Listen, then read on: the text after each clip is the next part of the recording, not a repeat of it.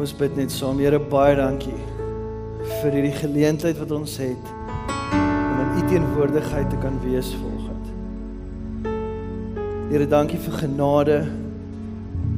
Here, dankie vir U liefde. En vanoggend is dit ons gebed, Here. You can have it all, Lord. Every part of my world. En vat vanoggend hierdie lewe van ons gebruik dit tot U naam se ontval. En mag U woorde vanoggend diep in ons harte spreek terwyl ons hierdie vraag vra wat U al so baie in die Bybel gevra het. Dat ons uitgedaag sal wees vanoggend om U woord nie net woorde te hê wat op ons ore val nie, maar dat dit in ons dade sal wees. Dat U woord lewend sal wees. Ons bid dit in U naam alleen. Amen en amen. Goeiemôre almal en voorspoedige nuwe jaar van my kant af. Soos Amanda nou genoem het, dis 'n nuwe dekade. Ek dit is dit ek kan dit amper nie glo hoe vinnig laas jaar verby is nie.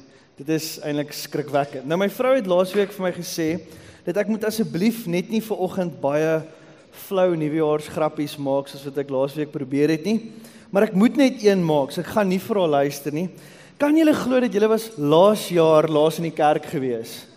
Skaam julle. maar elke jaar hierdie tyd begin ons 'n nuwe jaar met 'n reeks wat ons noem vra die regte vrae. Vra die regte vrae in jou lewe. En die beste plek om natuurlik hierdie vrae te kry is in die Bybel. As ons net kyk in die Bybel, dan is daar hierdie vrae wat God gevra het. En hierdie vraag is sekerlik die belangrikste vraag om te vra, want as God 'n vraag vra, vra hy nie 'n vraag om 'n antwoord te kry by die mens nie. O nee, hy vra die vraag want hy wil hê dat ek en jy moet iets uit hierdie vraag uitleer. So ons gaan kyk na die Bybel. Laasweek het ons na die eerste vraag gekyk van hierdie reeks. En die vraag was gewees: Wat sal dit 'n mens help as hy die hele wêreld as wins verkry, maar sy lewe verloor? Of wat sal 'n mens gee in ruil vir sy lewe? Volgende week sluit Koos hierdie reeks af met die laaste vraag. Maar vir oggend se vraag is 'n vraag wat ek jou wil uitdaag mee om te sê Here, help my om hierdie jaar hierdie vraag aanhoudend te vra. En dit is die vraag: sal jy bring wat jy het? Sal jy bring wat jy het? Nou dis 'n vraag wat verskriklik baie in die Bybel gevra word. Ek weet nie van jou nie. Maar ek het al baie keer in my lewe dan lees ek die Bybel en en dit is dit is nie iets wat ek ervaar het op enige gedeelte van my lewe nie. Dis al baie keer wat ek dit gelees het. Dan lees ek die Bybel en dan dan lees ek die stories en dan kyk ek na die stories en dink ek by myself dit dit is sulke mooi stories. Dit voel net so ver van my af. Dit voel vir my amper onmoontlik om hierdie goed te kan doen wat hierdie karakters in die Bybel reg gekry het om te doen. Dink gou aan 'n paar name, okay? Dink gou aan Dawid. Dawid is 'n jong jong seun. Daar's 'n hele weermag van soldate wat staan en wat bang is vir 'n reus. Dat Dawid sê, "Nee, moenie vir my 'n wapenrusting gee nie, ek sal hom gaan uitsorteer." En hy vat sy slingervel en hy gooi daai reus dood die Bybel sê verder op 'n ander stadium het hy 'n leeu met sy kaal hande doodgemaak. Okay? En dan speel hy nog die harp. Okay? Maar dan is daar nog iets wat die Bybel sê, hy was aantreklik geweest. Hy was mooi geweest. Okay, so hierdie ou is die vol pakkie. Dan is daar 'n vrou met die naam Ester byvoorbeeld in die Bybel. Sy was 'n wonderlike, vreeslose, brawe leier wat 'n koning wat daai tyd mense net links regs doodgemaak het in die oë gekyk het en gesê het, "Wel, dit gaan nie gebeur nie." En boop dit, wat sê die Bybel nog? Sy was beeldskoon gewees. En dan is 'n ou soos Moses. Moses het 'n ongelooflike baard gehad. Maar wat hy ook gedoen het as 'n 80-jarige man, het hy gegaan en hy die farao aangevat. En hy het vir farao gaan sê, "Hoerie, laat my mense gaan." Of een ding wat die Bybel sê ook, Hy was ook mooi en ons gaan net nou dit agterkom. Nou ek het al baie keer in my lewe die skrif gelees en agtergekom ek is nie so mooi soos hulle nie, so ek sal nie ek grappie. Maar ek het al baie keer die, die skrif gelees en dan sê ek vir myself wat kan my lewe regtig vir hierdie wêreld beteken? Wat is daar wat ek het in my lewe wat God regtig kan gebruik. Het jy al so gevoel? Ek het al regtig baie so gevoel. Want dit voel vir my my lewe meet net nie op teen die stories wat ek lees in die Bybel nie. Maar ek wonder of dit nie juis is dat die grootste wonderwerke en gebeurtenisse in die skrif begin op plekke wat ons nie raak sien nie. Ons kyk na die situasies, ons kyk na die groot gebeurtenisse, ons kyk na die wonderwerke en ons is word amper ons is eintlik onbewus van die dinge wat gebeur het en wat God gebruik het vir dit om te kan gebeur. En vandag wil ek na twee stories kyk wat hierdie juis gebeur het. Twee stories waar hierdie vraag gevra word en my hoop is dat as jy nou uit die diens hier uitstap dat jy sal agterkom dat daar is iets in jou lewe Daar is baie in jou lewe wat God kan en wil gebruik. En dit begin met 'n vraag. Sal jy bring wat jy het? Nou die eerste storie is in Markus 6 vers 30, 'n baie bekende verhaal. So kom ons lees dit gou-gou. Vers 30 sê dit: Die apostels het na Jesus toe teruggekom en vir hom alles vertel wat hulle gedoen het en wat hulle vir die mense geleer het. Omdat daar voortdurend talle mense gekom en gegaan het, sodat hulle selfs nie eers kans gehad het om te eet nie, het Jesus toe vir hulle gesê: "Kom julle nou self eenkant toe na 'n stil plek en skep 'n bietjie asem. So rus net so bietjie." Hulle het toe perskuit na 'n stil plek vertrek waar hulle alleen kon wees. Maar baie mense het hulle sien vertrek en agtergekom waarheen hulle op pad was.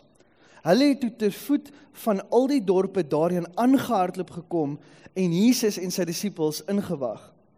Toe Jesus uit die skei uit klim en die groot klomp mense sien, het hy 'n diep deernis vir hulle gevoel, want hulle was so skape sonder 'n wagter. Daarom het hy hulle uitvoerig begin onderrig. Toe dit alreeds laatmiddag begin word, kom sê sy disippels vir Jesus: "Dis 'n verlate plek hierdie. En kyk hoe laat is dit al. Stuur die mense weg sodat hulle op die omliggende plase en in die dorpies iets kan gaan koop om te eet. Hierop ah, hierop antwoord Jesus: "Gee julle vir hulle kos." En hulle sê toe vir hom: "Dit sal 'n eislike bedrag kos om brood te koop vir hierdie om vir hierdie mense uh te, vir iets vir ete te gee." En hy sê toe vir hulle: "Hoeveel brood het julle?" Gaan vind uit. Toe hulle dit vasgestel het, sê hulle: "5 brode en 2 visse."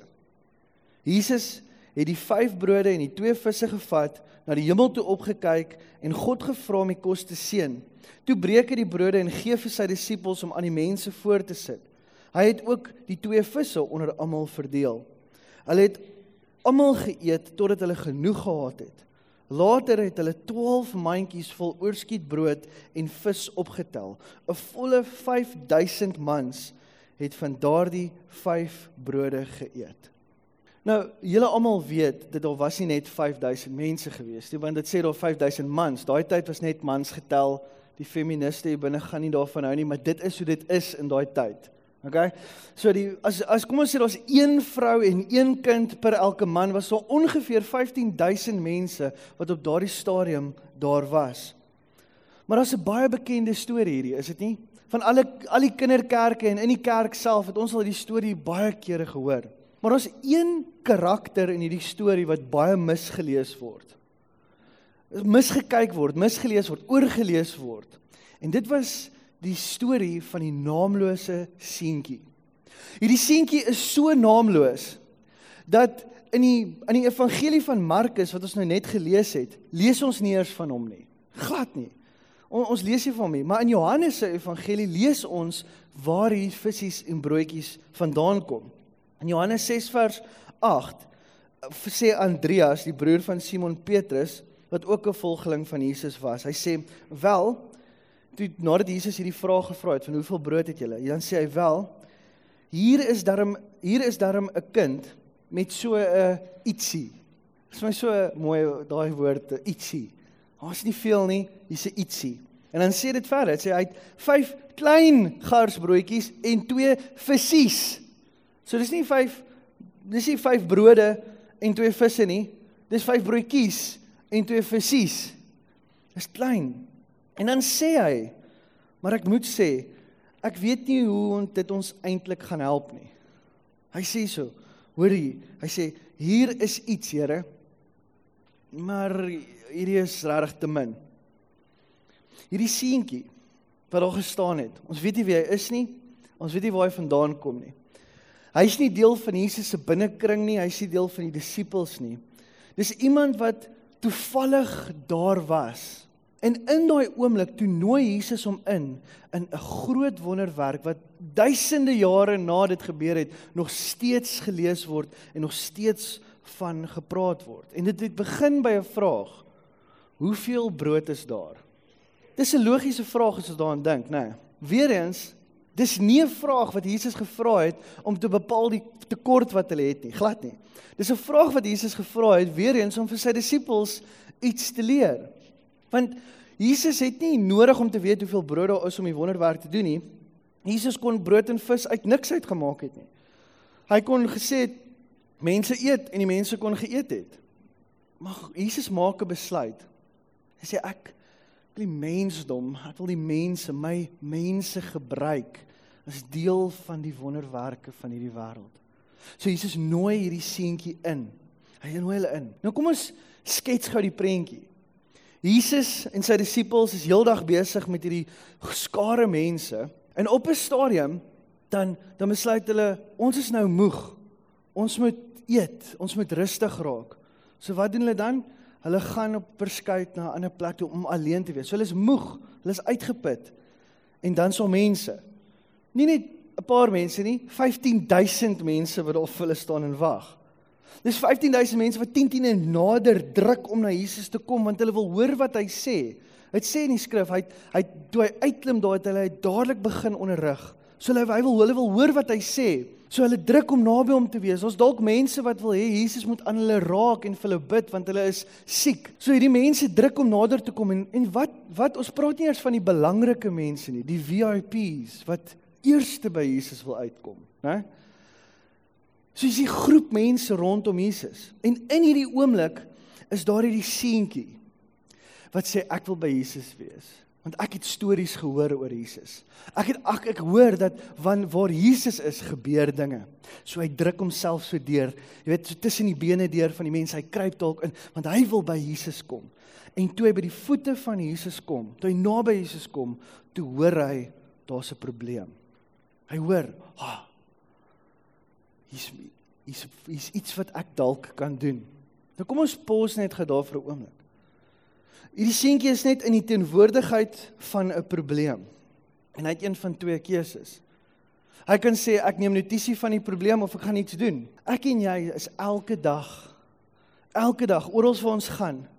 As jy op skool is, by jou skool, hoor jy elke dag van mense se krisisse en probleme en en en hulle seer. By jou werk hoor jy elke dag van mense se krisisse, hulle seer en hulle twyfel. In jou eie huis hoor jy soms hierdie goed. En dan het ons dieselfde keuse as wat hierdie seentjie het. Hoor ek dit net of gaan ek iets doen? Nou wat hierdie seentjie gedoen het op daai stadium, hy staan daar en hy hoor hierdie probleem en nou dink hy by homself, ek kyk af na my hande. Wel, ek het hier 'n broodjie en 'n twee vyf broodjies en twee visse. Dalk kan ek iets hiermee doen. En dis asof hy sy hand opsteek. Wel, ek ek het nie veel nie, maar hier is iets né? Hier's 'n ietsie. Jy weet hierdie seentjie het nie eers genoeg kos gehad om vir Jesus en sy disippels te voer nie. Nietemin 15000 mense nie. Maar hy steek hand op en hy sê, "Oké, okay, wel, dis nie veel nie, maar dis iets." Ek, ek seker die disippels het dit nie net gegryp uit sy hand uit nie. Hy het dit aangebied. Hy het gesê, "Hierso, vat maar hierdie." Nou kyk jy verskil in mentaliteit. Op 'n stadium toe vra Jesus in die in die Johannes Evangelie. Nou vra Jesus die vraag vir Filippus. Hy vra te vir Filippus: "Is daar 'n winkel hier naby waar ons brood kan koop vir al hierdie mense?" En dan sê dit in vers 6. Hy het dit vir Filippus gevra om te kyk wat Filippus sou sê. Hy het egter klaar geweet hoe hy die probleem sou oplos. So hy toets Jesus vir Filippus. Hy sê Filippus, is hier 'n winkel hier naby? Hy want wat wil hy hê Filip wat wat wil hy hê moet Filippus doen? Hy wil hê Filippus moet na sy hande kyk. Wat het jy in jou hande? So hy Filippus het 'n keuse. Gaan ek iets doen met wat ek in my hande het? Gaan ek iets doen om iets te probeer gee om hierdie probleem of hierdie hierdie krisis op te los? Of gaan ek net vaskyk in die probleem? Jesus wou gehad het hy moes verder kyk. Verder kyk na wat hy nou het en vertrou dat in die hande van Jesus kan dit soveel meer wees. So wat gebeur toe in vers 7? Dit sê Filippus antwoord toe. Hy sê al werk ek 8 maande aan mekaar Jesus 8 maande sal ek nie eers genoeg geld hê om vir al hierdie mense kos iets te gee om te eet nie. 8 maande Jesus. Hallo. En net daar slaag hy nie die toets nie. Hy dryp die toets net daar. Want dit is eintlik presies wat ons doen, nie waar nie? Hoe baie keer doen ons nie presies dieselfde nie. Ons sien die probleem, die die krisis, maar ons sien nie raak die geleentheid wat ek 'n aandeel kan hê tot 'n oplossing nie. Kom ons dink gou aan 'n paar praktiese voorbeelde. Waar jy swat, waar jy werk of waar jy skool gaan. Jy weet oral waar jy daar tussen mense is, is daar mense wat wat dalk jy weet hulle hulle hulle voel hulle wil graag kerk toe kom, maar niemand nooi hulle nie. Kom, jy kan iemand nooi. Jy kan dalk jou storie deel met iemand. Jy kan dalk vir iemand vertel wat Jesus vir jou gedoen het in jou lewe. Jy kan jou getuienis deel. Jy kan iemand saam met jou bring kerk toe sodat hulle iets van God kan beleef. Ek het ek sal nooit vergeet nie. Ek en een van my kollegas 'n paar jaar terug het na Stellenbosch Stellenbosch Universiteit toe gegaan. En ons doel was gewees om 'n klein steekproef te doen om te bepaal hoekom kom so min studente kerk toe. En wat ons gedoen het, ons gaan stap toe daar sommer so in die kampus in en ons maak dit seker ons gaan so 'n tyd wat ons weet ons redelik baie so naby aan aan middagete tyd en ons maak seker dis tyd waar daar baie mense beskikbaar is. En ons stap toe na die een groepie toe en ek sal dit nooit vergeet nie. Ons drie dames en een man gewees waar daar gesit het. En die drie vrae wat ons gevra het was drie eenvoudige vrae. Eerste vraag is gaan jy kerk toe? Die tweede vraag, as jy nie kerk toe gaan nie, hoekom nie? En die derde vraag is sal jy kerk toe gaan as iemand jou nooi? Dis die drie vrae wat ons vra. So ons kom toe by die groepie aan en ons vra toe vir die drie vir almal van hulle, gaan julle kerk toe? Die drie dames sê ja, ons gaan kerk toe en die man sê nee, ek gaan nie kerk toe nie.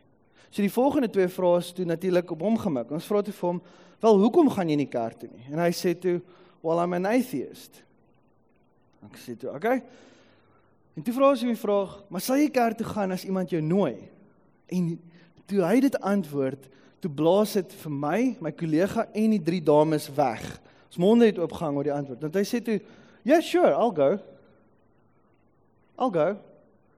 Hierdie drie vriendinne van hom se monde hang oop en hulle sê, "Really, will you go?" Hy sê, "Yeah."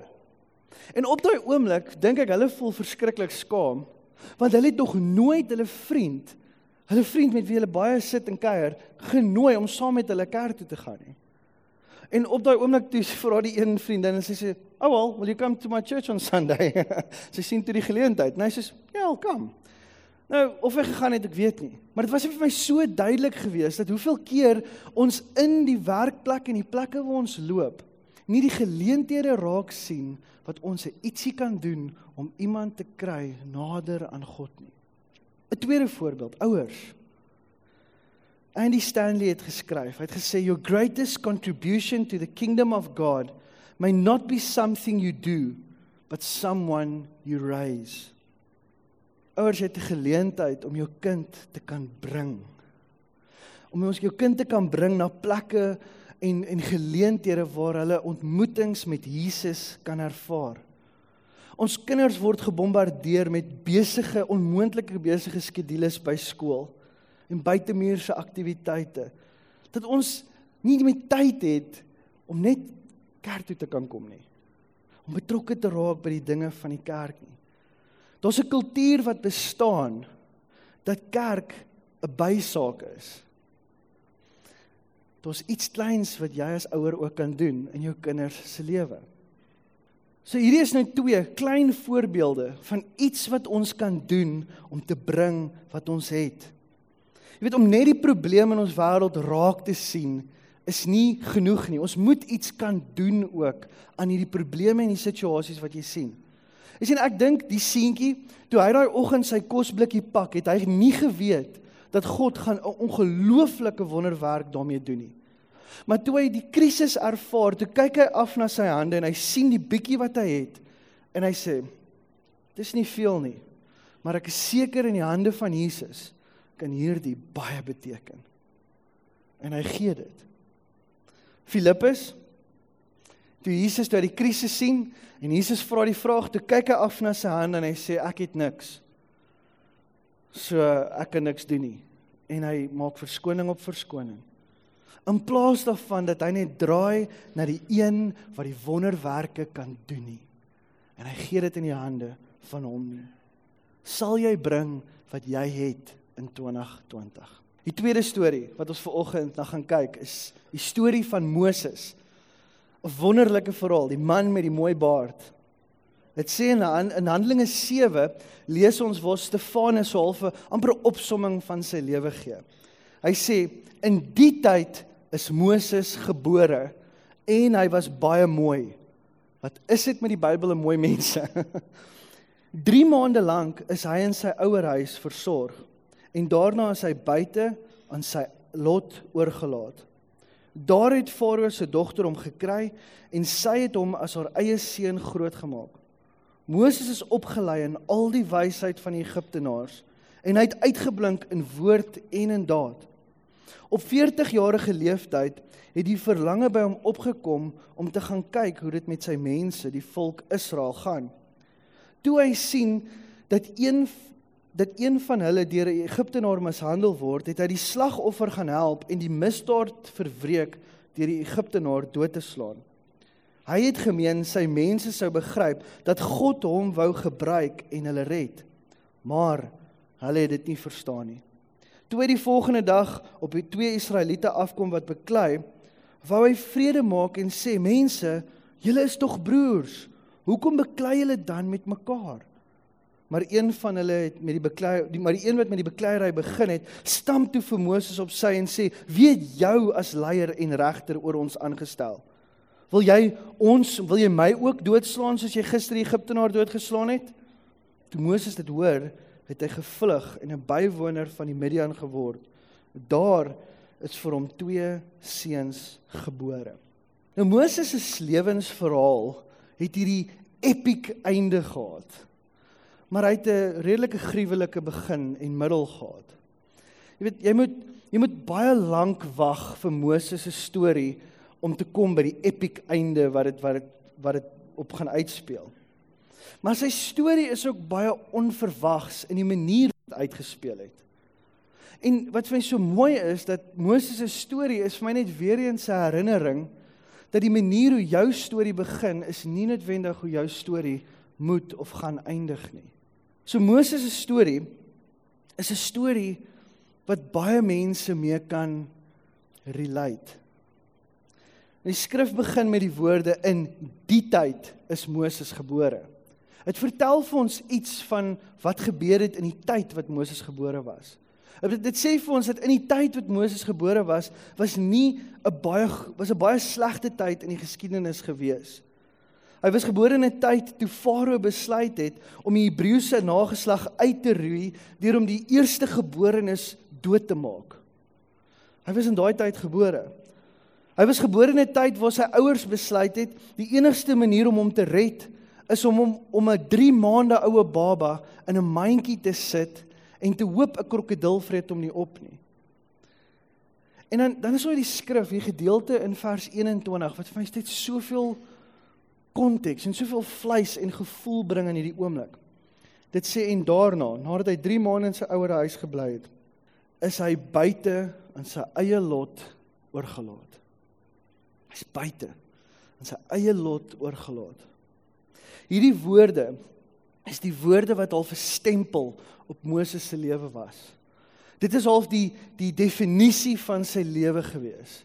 Hy was na buite in sy eie lot oorgelaat. Hy hy was hy was alleen gewees. Soveel, daar's soveel tekstuur aan dit, aan hierdie woorde. En dan sê dit gaan dit verder. Dit sê daar het Farao se dogter hom gekry en sy het hom as haar eie seun grootgemaak. Hierdie Moses word groot in die man se huis wat hom wou doodgemaak het.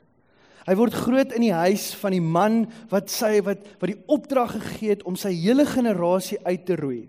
En daardie man is nou sy beskermer, sy oupa. Dit is die man in die huis wie hy groot geword het. Jy weet, hy's nie meer regtig 'n Israeliet nie, want hy hy's hy's 'n Egiptenaar, maar hy's ook nie Egiptenaar nie want hy's 'n Israeliet. Hy was nooit aanvaar deur die Israeliete nie want hy het groot geword as 'n Egiptenaar en die Egiptenare het hom ook nooit aanvaar nie want hy was 'n Israeliet gewees. Moses het nêrens behoort nie. Hy het nie geweet wie hy was nie en en hy gaan toe die dag want hy het hierdie soeke na wie hy is, gaan hy na sy mense toe en hy stap daar in en hy sien dat hierdie Egiptenaar een van sy mense mishandel en dan slaan hy hom dood. En dan is dit vir my ongelooflik wat hier gebeur. Dan sê dit vers van hy het gemeen sy mense sou begryp dat God hom wou gebruik het om hulle te red. Maar hulle het dit nie verstaan nie. Hoeveel keer lees ons 'n skrif soos dit en dink ons ja nee Moses het die regte ding gedoen. Hy het daai ou doodgeslaan, is in die Bybel is reg. Nee, Moses het moord gepleeg. Wat het hy gedink gaan gebeur? Het hy regtig gedink as hy hierdie ou gaan doodslaan dat sy mense gaan dink, "O ja, nee, hy het hom doodgemaak. Kom ons volg hom." Nooit. Hy's 'n moordenaar. Dit dit is vir my dit het vir my net weer eens gewys in daai stukkie hoe gebroke Moses in sy binneste was. Hoe desperaat hy was om te vind wie hy is, hoe de mekaar hy was, dat hy gedink het deur om moord te pleeg, gaan die mense dink hy is die een wat God gestuur het om hulle te red. Hy het presies gereageer soos sy oupa. Farao. As jy in Farao se slegte boekies is, wat doen hy? Hy maak jou dood. So wat doen Moses? Ek doen maar wat my oupa doen. Hæ? Huh? Hy die ou doen vir onreg, ek maak hom dood. Dit is so gebroke Moses was in sy binneste. En dan hardloop hy weg. Hy hardloop weg want hy's bang hy gaan gevang word. En daar is hy vir 40 jaar in die woestyn besig om rond te dwarrel in die woestyn. Daar is hy vir 40 jaar. As ons so na, na sy storie kyk, as ons nie die einde van sy storie ken nie. As ons nou hierdie gedeelte net hier sou stop, sou ons almal gesê het hierdie was 'n betekenis 'n betekenislose lewe. 'n Lewe sonder betekenis. 'n Lewe wat gemors is. 'n Lewe met soveel potensiaal wat gemors is. En op die ouderdom van 80 40 jaar nadat hy in die woestyn weggehardloop het. Kan ons lees in vers 30. 40 jaar later het 'n engel eendag in die woestyn by die Sinaï berg in vlamme van 'n brandende doringbos aan Moses verskyn. En op die ouderdom van 80 kom God en hy roep hom. Hy sê Moses, ek wil jou gebruik. Ek wil jou gebruik om terug te gaan, om na daai mense toe te gaan wat jou verwerp het. Ek wil jy moet hulle gaan red. Ek wil jy moet hulle gaan red van die mense van wie jy af weghardloop. Jy moet dit gaan doen vir my. Ek roep jou vir dit. En Moses is verskriklik vol twyfel. Want hy weet nie wie hy is nie, hy weet nie wat hy moet doen nie en hy hy hy's in hierdie plek waar hy die stikkende gebroke lewe gelei het. En luister wat sê in Eksodus 4. Hy sê maar toe sê Moses, nadat God hom geroep het, sê hy: "Sê nou die Israeliete glo my nie en hulle luister nie na my nie." En hulle sê die Here het nie aan my verskyn nie. Hy hy sê wat moet ek doen? Hulle gaan my nie glo nie. Dit gaan weer wees soos die ander keer wat ek daar was. Hulle gaan my nie raak sien as die persoon wat wat u wil hê ek moet wees nie. En hierdie was nie die eerste keer wat hy dit vir God gevra het nie. Hy het dit 'n paar keer vir God gevra. Hy sê, "Wat moet ek doen? Wat as? Wat as? Wat as?" En toe vra die Here vir hom 'n vraag. Weereens 'n vraag. Weereens een van daai vrae wat nie daar is om te bepaal wat hy het in sy hand nie, want die Here kan sien wat hy het in sy hand. Die Here wil vir hom iets sê wat in sy hand is. Die Here vra hom, "Wat het jy in jou hande?" En hy antwoord, "’n kierie." 'n Kierie. Jy weet, 'n kierie is op sigself 'n storie op sy eie hoekom dit iets so belangrik was. 'n Kierie, 'n herder se stok was iets wat alle herders ten alle tye by hulle gehad het. En die rede daarvoor was Dit wat dit was 'n baie belangrike uh, stuk gereedskap vir hulle. Hulle het dit gebruik om te klim as hulle so geloop het en hulle is besig om nuwe velde te soek vir hulle skape. Hulle het groot klippe uit die pad uitgestoot met daai met daai stok. En daai stok was ook 'n wapen gewees om wilde diere af te weer. Dit was ook 'n ding gewees wat hulle gebruik het om die skape nader te trek en nader te hou. En dit was iets wat 'n teken was vir alle herders dat hulle is 'n herder, hulle het hierdie stok gehad. Nou iets wat baie belangrik was in daardie tyd was getuienisse gewees, nie waar nie? God sê op 'n stadium vir Israel, hy sê vir hulle oral waar julle kom en en en waar julle 'n wonderwerk beleef het wat ek vir julle gedoen het as 'n nasie, bou 'n altaar. Bou 'n altaar en elke keer wanneer jy verby die altaar loop, vertel die storie van God wat hier gebeur het. En op so 'n manier het die mense die stories oor en oor vertel van God se goedheid in hulle lewens. Hierdie altare was altyd 'n sigbare getuienis van God se getrouheid vir al die toekomstige geslagte wat voorlê. Nou die in Bybelse tye het herders 'n baie spesiale manier gehad om ook hulle getuienisse te behou. Hulle het as deel van die die, die oorgangjare na manlikheid toe sou 'n jong herder van sy pa af 'n staf gekry het. En hierdie staf, hierdie stok het hulle by hulle gehou vir jare en vir jare en vir jare. En soos wat hulle besig is en hulle sit in die veld en hulle is besig om te kyk na die skape. Ek 'n skaap is nie 'n baie interessante dier om na te kyk nie. Dan sou die herder daar sit en dan sal hy sy storie inkerf binne in hierdie stok in. Hulle sal die getuienis van God se goedheid begin inkerf in hierdie stok in. Heeltyd sal hulle dit kerf. Ek wonder iemand soos Dawid, hoe sou sy stok gelyk het? Hy sou dalk daar gestaan het en sy stok sou uitgekerf wees het. Hier het God my gehelp om 'n leeu dood te maak. Hier het ek vir Goliat uitgehaal. Ek het hom doodgemaak. En dan wat hulle sou doen is as die herders in die aande bymekaar kom en hulle sit om 'n kampvuur, dan vertel hulle vir mekaar die stories van wat gebeur het op hulle kerfstok. So die kinders sou gaan, "Pappa, vertel my wat het hier gebeur op jou stok." En dan vertel hy, "Hier het ek vir Goliat verslaan. Hier het ek dit gedoen. Hier het God dit vir my gedoen. En dit was die, dit was hulle hele verhaal op 'n stok gewees. En elke keer wanneer God iets doen, dan kerf hulle 'n nuwe stuk uit. En op 'n en ek en ek dink toe by myself, toe God vir Moses vra, Moses, wat het jy in jou hand? Toe vra God weer eens vir Moses 'n baie baie diep vraag. Want toe Moses afkyk, toe kyk hy en hy sien hy het 'n kierie. Hy het 'n herderstok in sy hand. Ek wonder wat was uitgekerf op sy stok gewees. Ek wonder of sy stok nie vol teleurstellings was nie. Waar hy geskryf waar hy dalk uitgekerf het ek kon die volgende regerder van Egipte gewees het. Maar toe slaan ek Egiptenaar dood en toe vlug ek. Hy het dalk daar geskryf my mense het my verwerp, hulle sien my nie raak nie. Hy dalk in die 40 jaar in die woestyn het hy geskryf hoe alleen hy is. Hoe hy nie weet wie hy is nie. Hoe teleurgesteld hy voel met sy lewe en hoeveel vol mislukkings hy voel. En ek wonder of hierdie staf wat hy in sy hand gehad het, nie vir hom 'n teken was en 'n storie vertel het van mislukkings en foute nie. Maar toe God hom sê, Moses, wat het jy in jou hand? Het hy gehad het Moses moes afkyk en sê Moses, weet jy wat het jy in jou hand?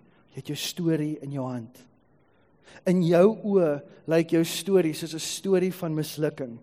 Maar in my oë lyk jou storie soos 'n storie van iemand wat ek wil gebruik om my volk uit te lei. Hoeveel keer kyk ons na ons eie lewens en ons kyk na ons na ons storie en ons dink oor wat gebeur het. En ons dink by onsself, maar wat is ek werd? Ek het heeltemal te veel seer en heeltemal te veel foute en heeltemal te veel goed in my lewe vir God om my te gebruik. God kan onmoontlik nie hierdie stikkende mens wat ek is gebruik nie. En die oomblik toe God vir Moses sê kyk af na jou hand. Is dit asof vir my asof hy vir ons wil sê dat die littekens wat jy het, die wonde wat jy het, is die merke wat jou relevant maak vir die mense wat dieselfde wonde dra en dieselfde littekens het as jy. En dan kyk gou wat skryf Stefanus dan verder oor Moses. God sê, ek het duidelik gesien die mishandeling van my volk wat in Egipte is. Ek het hulle gesig gehoor en neergedal om hulle te verlos. En nou, Moses, kom hier. Kom hier Moses. Ek wil jou stuur na Egipte toe. Van alle mense wil ek jou stuur. En dan skryf Stefanus, dan wil hy net vir ons seker maak ons verstaan. Hy sê, dit is dieselfde Moses vir wie die Israeliete nie wou aanvaar het vir um, vir wie hulle gesê het, wie het jou as leier en regter aangestel? Tog, met ander woorde, te midde van tog het God juis vir Moses as leier en redder na hulle toe gestuur deur 'n engel wat in die doringbos aan hom verskyn het.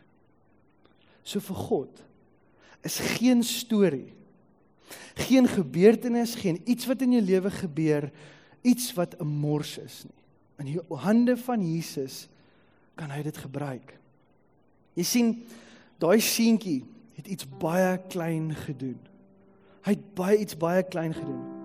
Ek dink nie hy het ooit in sy lewe gedink dat in sy wildste drome dat 2000 jaar later ons nog steeds die storie van vertel van sy kosblikkie nie. En dat hy eintlik in 'n baie soos die Engelsman sal sê 'n insignificant ding gedoen het wat 'n groot impak gehad het op die wêreld. Ek dink nie Moses het vir 'n oomblik gedink dit in die 40 jaar wat hy in die woestyn weggehardloop het dat God hom ooit weer sal gebruik nie. Maar God het juis het God hom gebruik. Jou storie kan God gebruik. Dit wat jy het, kan God gebruik.